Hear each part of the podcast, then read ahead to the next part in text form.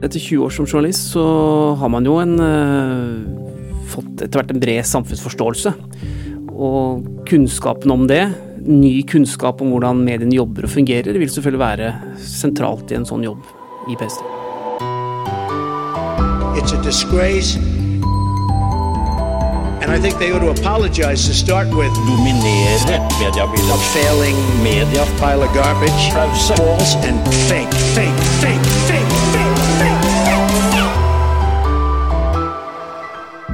Hei og velkommen til en ny episode av Pressepodden.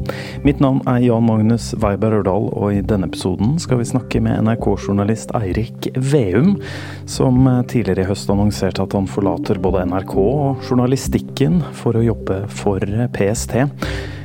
Vi skal snakke litt mer om hvorfor han gjorde det valget, hva han nå skal gjøre i PST, hva han kommer til å nyttiggjøre seg av eh, over 20 år i journalistikken osv. Men for å få til det, så må jeg finne Eirik først. Nå er jeg på vei inn eh, Marienlyst-bygget her, NRK sitt hovedkvarter i Oslo. Skal finne Eirik. Mens jeg gjør det, så kan jo dere lytte til en reklamepause. Men heng med, så kommer Eirik Veum straks. Ønsker du eller din bedrift støtte til kompetanseheving? Stup deler ut individuelle stipender og arrangerer kurs for redaksjonelle medarbeidere og ledere, i tillegg til å støtte bedriftsinterne kompetansehevingstiltak. Vår ambisjon er å ha et kurstilbud med høyest mulig relevans for bransjen, og ha et sterkt fokus på kompetanseheving og etterutdanning. Neste frist for å søke individuelt stipend er 1.10. Gå inn på stupstipend.no for mer informasjon og søking. Ja, Eirik Veum, gratulerer da først med ny jobb i PST, og velkommen til Pressepodden. Mange takk. Vi må spørre deg aller først. Du forlater altså NRK etter 20 år. Ehm, dette spørsmålet har du fått flere ganger de siste par ukene allerede, men eh, hva var det med PST og den jobben der som lokka deg vekk fra NRK? Det er jo muligheten til å kunne være med og bidra til å trygge Norge. Eh, være med å nedkjempe, motarbeide, følge med på de farene som truer rikets sikkerhet. Gjøre det tryggere for oss å dra til og fra jobb. Være med å trygge ting som betyr noe for oss i Norge. Så det er hovedmotivasjonen. Og så ble det opp opplyst at du skal være rådgiver, ehm, eh, jobbe med kommunikasjon. Kan du si litt mer eh, spesifikt hva du skal gjøre i PST, og hvordan den journalistiske erfaringen din vil komme til nytte? Jeg skal være en del av et eh, team som jobber da med å formidle det som PST gjør. Kommunisere med samfunnet, rett og slett. Noe av det viktigste vil være å skape forståelse for PSTs oppgave. Kunnskap om deres virksomhet og det er klart, ehm, etter 20 år som journalist så har man jo en, eh, fått etter hvert en bred samfunnsforståelse.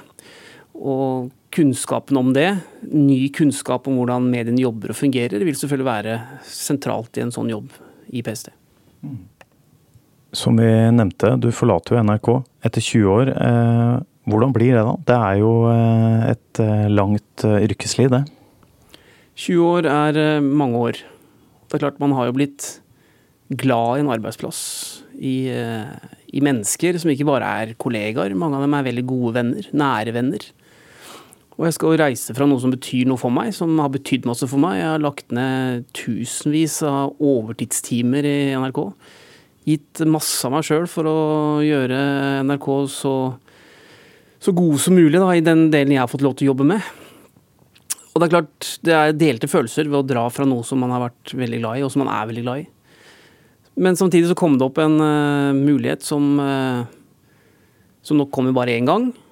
Som jeg føler er veldig spennende, som det kanskje nå og da er blitt riktig å ta. Og som vil være utfordrende, som vil være vanskelig, som gir meg masse prestasjonsangst. Og det er bra. Jeg gleder meg til å kjenne på den, ordentlig på den følelsen igjen. Så um, selvfølgelig delte følelser, men først og fremst så gleder jeg meg veldig til å komme i gang der, der oppe i PST. Og så drar jeg herfra med masse gode minner og tenker at jeg har eh, satt gode spor etter meg. Det er i hvert fall det jeg ønsker å, å, å ta med meg ut. Og så tenker jeg at eh, hvis jeg blir husket som en ressurs og en, eh, en god kollega og en god, venn her, så, så, har jeg satt de, de spor etter meg som jeg ønsker å sette. Ja, fordi 20 år er lang tid. Du har gjort mye forskjellig i NRK også, vi kan jo si det. Men, men de som følger litt med, og det gjør jo de fleste som hører på Presspodden i, i, journalistikken du har vært involvert i, så er det jo spesielt rundt dette med nasjonssikkerhet, forsvar, krim, og du har også vært en del utenriks, ikke minst. Kanskje vanskelig spørsmål å svare på, da, men hva har du likt best å gjøre? Innenfor alt det du nevner nå, så har jeg med meg eh, gode opplevelser, eh, gode minner, ting jeg er stolt av, av å ha gjort. Men fellesnevneren for de tingene er nok at jeg har fått lov til å reise ut ulike steder, både i Norge og utlandet. Møte mennesker, fortelle deres opplevelser, historier. Eh, noe av det har hatt nyhetspreg, andre ting har vært litt mer i dybden. Alt har vært eh, i og for seg laget her i nyhetsavdelingen. Så det er klart, eh, det er jo det som har vært viktig, og som nok også gjør, en, gjør inntrykk på, på, sikt nå etterpå. Mm. Er det noe du husker spesielt? Altså hvis du, du skulle trekke sånne klassiske klisjéspørsmål, hvis du skal trekke ut en episode eller hendelse, en sak, et eller annet du har jobba med i de 20 årene i NRK, hva, hva ville det vært? Jeg tror noe av det sterkeste var å møte ofrene for seksuell tortur i eh, Kongo, DR Kongo og i Uganda. Unge kvinner som, eh, som har opplevd noe som vi andre ikke kan forstå noe av. Hvor kroppene deres var et mål for militssoldater, eh, og ikke kun utnytte dem seksuelt, men å ødelegge dem. Jeg husker jeg fikk, fikk holde en liten baby under et intervju en gang. Med en ung mamma. Hun var ja, 30 år et sted. Og så fortalte hun hvordan hun hadde hatt tre små gutter, hvordan de ble drept foran øynene hennes. Hvordan de som tok livet av barna hennes, eh, voldtok henne. Og så ble hun gravid. Og det var den lille jenta jeg satt og holdt. Et offer for en, en massevoldtekt. Og så husker jeg spurte henne hvordan greier du å, å leve med det her? Altså, dette er jo dette er babyen til dine barns drapsmenn. Så svarte hun at eh, dette er jo det eneste jeg har igjen. Og sånne opplevelser sitter i, og det kommer til å sitte i for alltid. Mm. Da må jeg også spørre deg, hvordan du som journalist i en sånn situasjon, hvordan klarer du å på en måte gå videre og være journalist, men også et medmenneske, på en måte? Fordi du, du, du møter jo en person, ekstremt sårbar situasjon. Å finne balansen. Det var helt naturlig for meg etterpå å uh, gi henne en klem og si at jeg kommer til å tenke på deg også etterpå. Eh, ønske henne lykke til. Og så må man jo bearbeide det selv etterpå. Seinere. På ulike måter. Og det er også viktig. Man har reist rundt i krigsområder og møtt, uh, møtt sånne mennesker. Jeg var i Ukraina nå, uh, nå, i vår. og Det samme opplever man jo der. Mennesker som har vært utsatt for, for ekstreme handlinger. Som har mistet kanskje alt hvor eh, det er ondskap, hvor det er eh, for oss helt eh, uforståelige ting som skjer.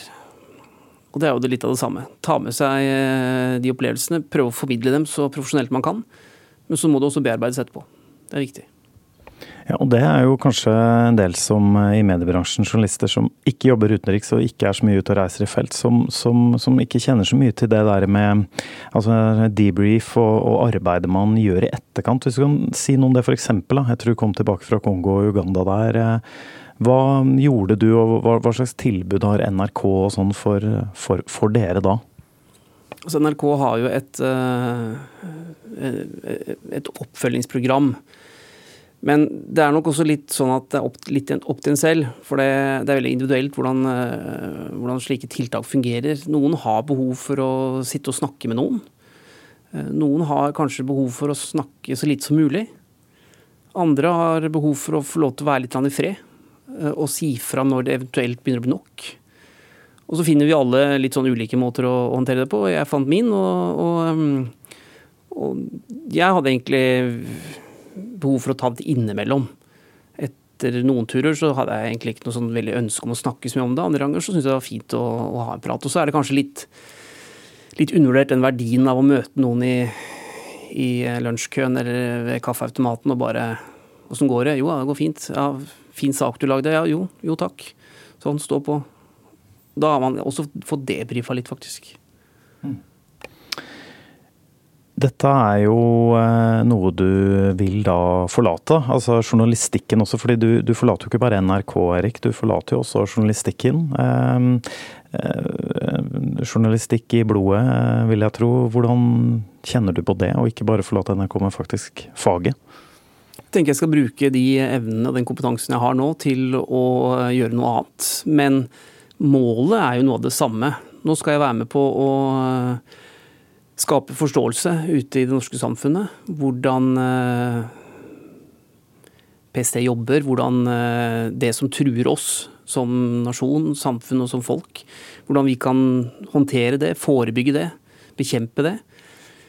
Og jeg skal også være med på å fortelle historier eh, med folk som er berørt av det som PST jobber med. Folk som jobber der, innsatsen de gjør.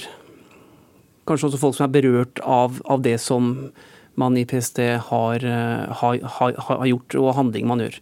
Så eh, noe av dette her skal jeg få drive med fortsatt. Og så skal jeg være en del av et apparat som gjør noe viktig. Som er med på å sikre og trygge rikets sikkerhet.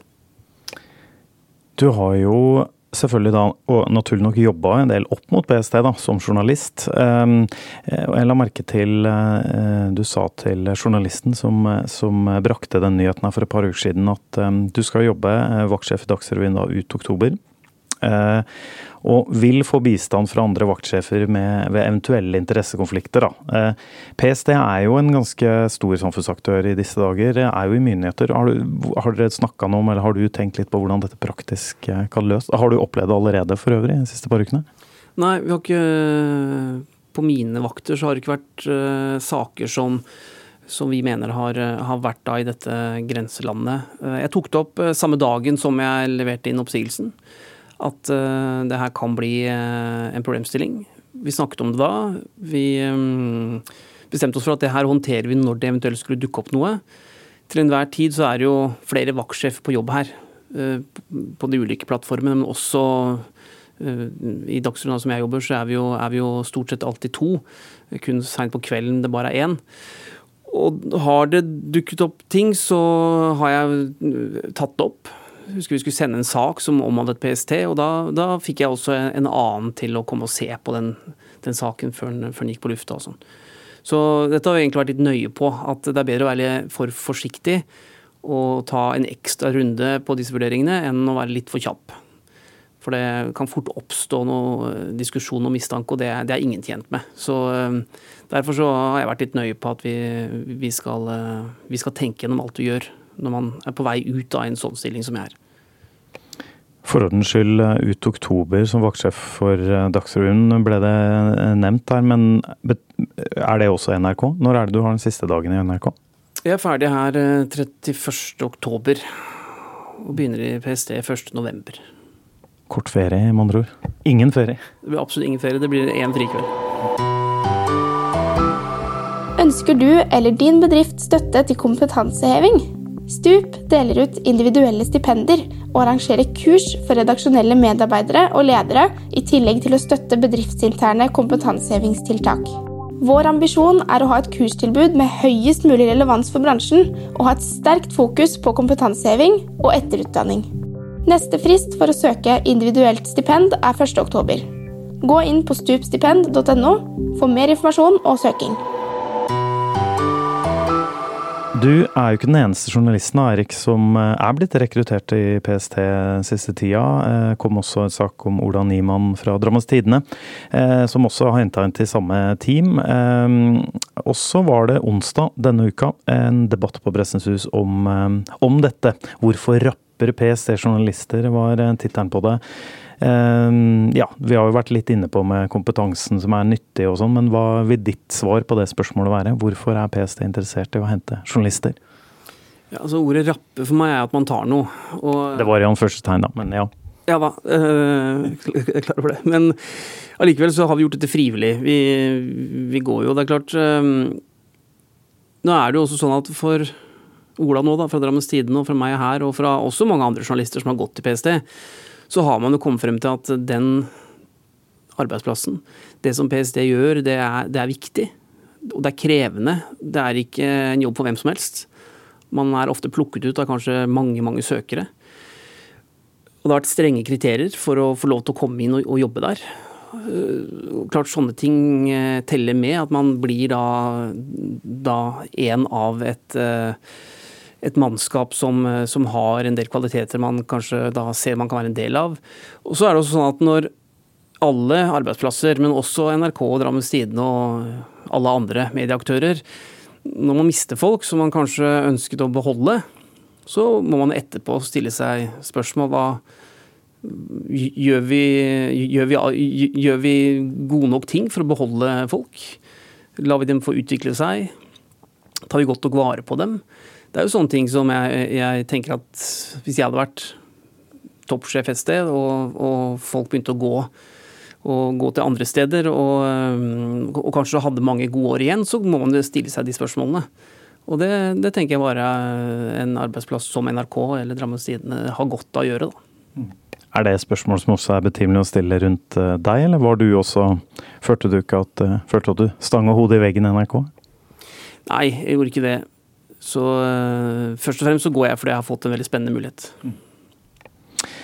Et annet spørsmål som også ble tatt opp i debatten, veit jeg, var om, og dette er jo klassisk eh, tematikk eh, når man forlater journalistikken, det å gå over til den andre siden, eller mørke siden som man enkelte sa før, det er jo mindre å færre og færre som sier det. Men er det en vei tilbake da, til journalistikken f.eks. For, for deg og Ola? Kan du ikke svare for han, du skal svare for deg. Men nå når du er på en måte, eh, og jeg siterer fra mm, debattinnkallingen her, sto det 'rekruttert til de hemmelige tjenestene'. Kan du vende tilbake til journalistikken, og ønsker du det, Erik? Ja, nå er jeg på vei ut, så om man ønsker det en gang, det er jo litt for tidlig å si. Jeg har jo da Hypotetisk selvfølgelig, men ja tre år kjøre inn arbeidslivet, så mye kan jo skje innen den tid. Men det er klart at uh, Jeg ville jo tenkt, hvis jeg uh, var uh, sjef i et mediehus, at hvis det kom folk tilbake med journalistisk kompetanse fra eksterne miljøer, som helsevesenet eller bankvesenet eller Forsvaret eller sikkerhetstjenestene, og hadde med seg ny kompetanse, samtidig som de kunne jobbe som journalister, så ville jeg tenkt at dette er jo kompetanse vi trenger. Dette er kunnskap vi har behov for. Og særlig når det gjelder Forsvaret, eh, sikkerhetstjenestene, eh, norsk sikkerhetspolitikk sånn generelt, så er det klart at kunnskapen og kompetansen i mange mediehus, den er nok noe mangelfull. Så klart kunne man få tilbake en sånn kompetanse, så, så ville nok det være kjærkomment. Det som vil nok være mest utfordrende, er jo for den som kommer. Hvis man f.eks. har jobbet da, i Etterretningstjenesten eller i Nasjonal sikkerhetsmyndighet eller, eller Politisikkerhetstjeneste og kommer tilbake og vet veldig mye, men som man ikke kan bruke, man ikke kan dele. Og ikke minst for de kollegaene som går rundt og vet at han eller hun de vet jo faktisk alt det vi nå forsøker å finne ut av. Så kan nok det bli utfordrende på en arbeidsplass som NRK. Så eh, det vil nok være krevende, men ikke umulig. Ikke i det hele tatt. Mm. Og kanskje litt vanskelig også type journalistikk du skal jobbe med. Da må man kanskje være litt mer selektiv hva man velger, kanskje ikke gå inn i krimjournalistikken. Nei, da er det nok andre ting man skal drive med, som f.eks. viktige felt som kultur eller utenriks eller noe annet. Mm. Um, også lyst til å snakke om en ting eh, til før vi går inn for landing i pressebåten for denne gang. Tida går fort når man, eh, når man snakker om interessante ting. Og en ting som jeg syns er veldig interessant med deg, Erik, er jo at du er jo ikke bare journalist, men du er jo også forfatter med en rekke bøker på samvittigheten, som det heter. Sakprosabøker, spesielt om eh, andre verdenskrig. Og de som husker noen år tilbake, kan huske også at det er bøker som har skapt mye reaksjoner. Eh, blant annet disse nådeløse, eller Den nådeløse nordmenn-trilogien. Som bl.a. navnga da flere tusen nordmenn som jobba med tyskerne under krigen og var involvert i diverse krigsforbrytelser. Masse reaksjoner ene og andre veien. Eh, jeg syns det er litt interessant å høre med deg hvordan du jobba med For dette var jo eh, eh, dokumentasjon på en måte som kom ut for første gang. Eh, og du jobba jo også journalistisk med dette her, i tillegg til å En sakprosabok er jo ikke samme som en artikkel osv. Men hvordan jobba du med det og vurderte på en måte de presseetiske spørsmålene rundt det? Fordi noe av reaksjonene gikk jo nettopp på det at du navnga veldig mange, og etterlatte satt igjen og var eh, forbanna. Eh, kan du si noe om det? Sikkert et veldig stort spørsmål, men liksom si noe om det nå i ettertid. Det var en form for en etterforskning. Tusenvis av mennesker som skulle kartlegges og granskes og, og man skulle finne ut mest mulig om dem. Og dette var jo informasjon som var ja, 70-80 år, år, år, gammel. Så det var utfordrende, men det ble jo jobbet med det på den måten. De presseetiske vurderingene ble selvfølgelig tatt. Eh, sakprosa og journalistikk blir jo Det er ikke helt det samme, selv om man skal følge selvfølgelig noen, noen, etiske retningslinjer. Men man kan ofte gå litt lenger når det gjelder bokutgivelser og, og sakprosa.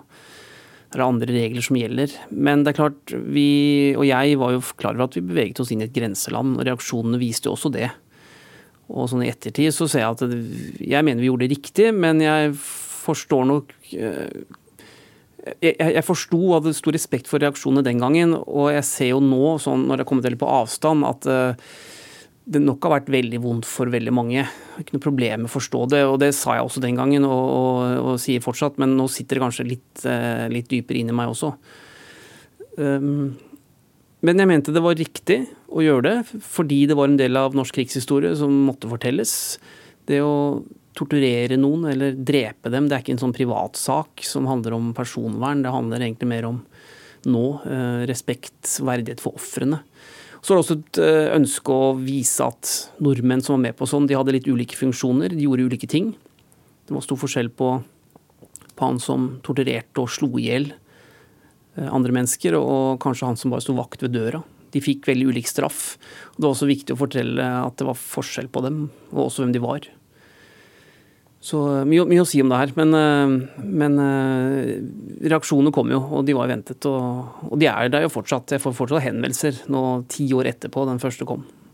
Jeg tenkte jeg skulle spørre deg om det, men Og du vil jo sannsynligvis få kanskje en ny runde med reaksjoner også, for jeg skjønner det er en ny bok i, på trappene denne gangen og på en måte andre siden, altså motstandsbevegelsen i Norge. Hva, hva kan du si om den? Nå har vi sett på eh, de såkalte likvidasjonene som eh, den norske motstandsbevegelsen utførte.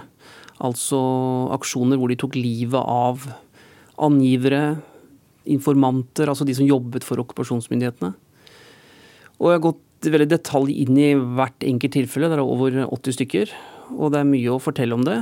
Og så er det mm, mange hendelser som uh, utvilsomt var riktig å utføre. For dette var personer som var en uh, trussel, og en stor trussel, mot den norske motstandsvirksomheten. Og så er det nok en del hendelser som vi nå i dag kan si at uh, nok befinner seg mer i et grenseland. Og som også fremstår som ganske bestialske, egentlig. Jeg og et eksempel med en ung kvinne som en uke før krigen er over, altså 1. mai 1945, ble slått i hjel med en tomflaske, rett og slett. Til eh, hodet hennes knuser i leiligheten sin, mens eh, søsteren hennes står og ser på. Av en mann som da gjør det fordi han mener at hun er en angiver. Saken ble aldri fikk andre konsekvenser og aldri noe, havnet aldri i noe, noe, rettssystem. Men det er klart, det er, det er, sånne ting som i dag det er interessant å gå litt inn i dybden på. Og man kan stille spørsmål ved det, men som den gangen nok da ble akseptert. Og det ble det jo også. Du forventer med andre ord en del reaksjoner også da når denne blir lansert, for det er seinere i høst, er det ikke det? Ja da, det kommer helt sikkert reaksjon på det også. For det som er nytt nå, er vel at vi også navngir da de som utførte disse handlingene. Og tok liv, da, i kampen for Norge. Men på en måte som, som i dag fremstår som, som ja, nok noe av den mest brutale krigføringen som man kan, kan utføre. Nemlig det å, å likvidere mennesker ute i det offentlige rom.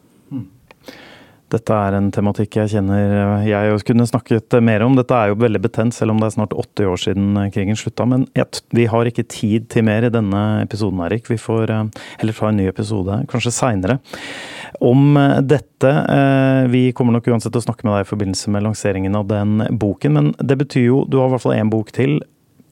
Helt til slutt, Erik, jeg har lyst til å spørre deg, kommer du til å fortsette som forfatter også, med, selv om du jobber i PST? Vi får se litt hvordan eh, det blir. Jeg antar jo at forfatterskapet mitt kommer til å fortsette. Så får vi se litt hvilken form, eh, form det blir, og, og, eh, hvilke temaer som det da er mulig å, å jobbe videre med. Det er bra å høre, Erik. Da kan jeg ikke noe annet enn å si lykke til i nye oppgaver og nye muligheter, og så kanskje vi snakkes igjen senere. Jo, Mange takk. Det var det vi hadde i denne episoden av Presspodden. Ny episode og ny gjest og ny prat er tilbake på lydplattformene der hvor du finner podkast neste uke.